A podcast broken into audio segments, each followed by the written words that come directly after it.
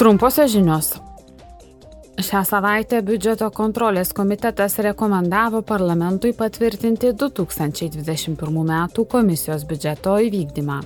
Jis taip pat patvirtino Europos plėtros fondo ir 33 ES agentūrų sąskaitas. Tačiau parlamento nariai išreiškė susirūpinimą dėl jų manimų nepakankamai griežtos ES ekonomikos gaivinimo ir atsparumo didinimo fondų kontrolės.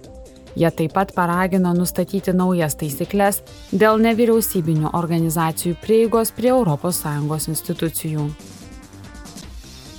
Taip pat šią savaitę parlamentas ir taryba susitarė dėl švaresnio jūrinio kūro tikslų. Per dėrybas parlamento nariai sėkmingai tikino laipsniškai mažinti į jūras išmetamą šiltnamio efektą sukeliančių dujų kiekį ir taip prisidėti prie ES tikslo tapti klimatui neutrale. Nuo 2025 metų laivų išmetamas anglijas dioksido kiekis turi būti mažesnis 2 procentais, o nuo 2050 metų 80 procentų. Šis tikslas taikomas dideliems laivams, kuriems tenka didžioji išmetamo anglės dioksido kiekio dalis.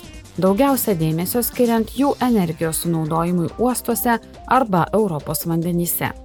Susitarimu taip pat ketinama iki 2034 metų pasiekti kad 2 procentai jūrinio kūro būtų gaunama iš atsinaujinančiųjų išteklių. Atrinkti 26 nacionaliniai 2023 m. Europos Karolio didžiojo jaunimo premijos laureatai.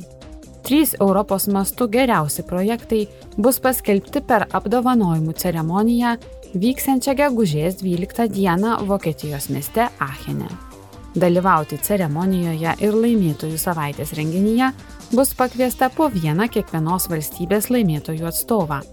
2022 metais pirmąją vietą laimėjo projektas iš Portugalijos - Orkestras Sem Fronteiras, lietuviškai būtų Orkestras be sienų.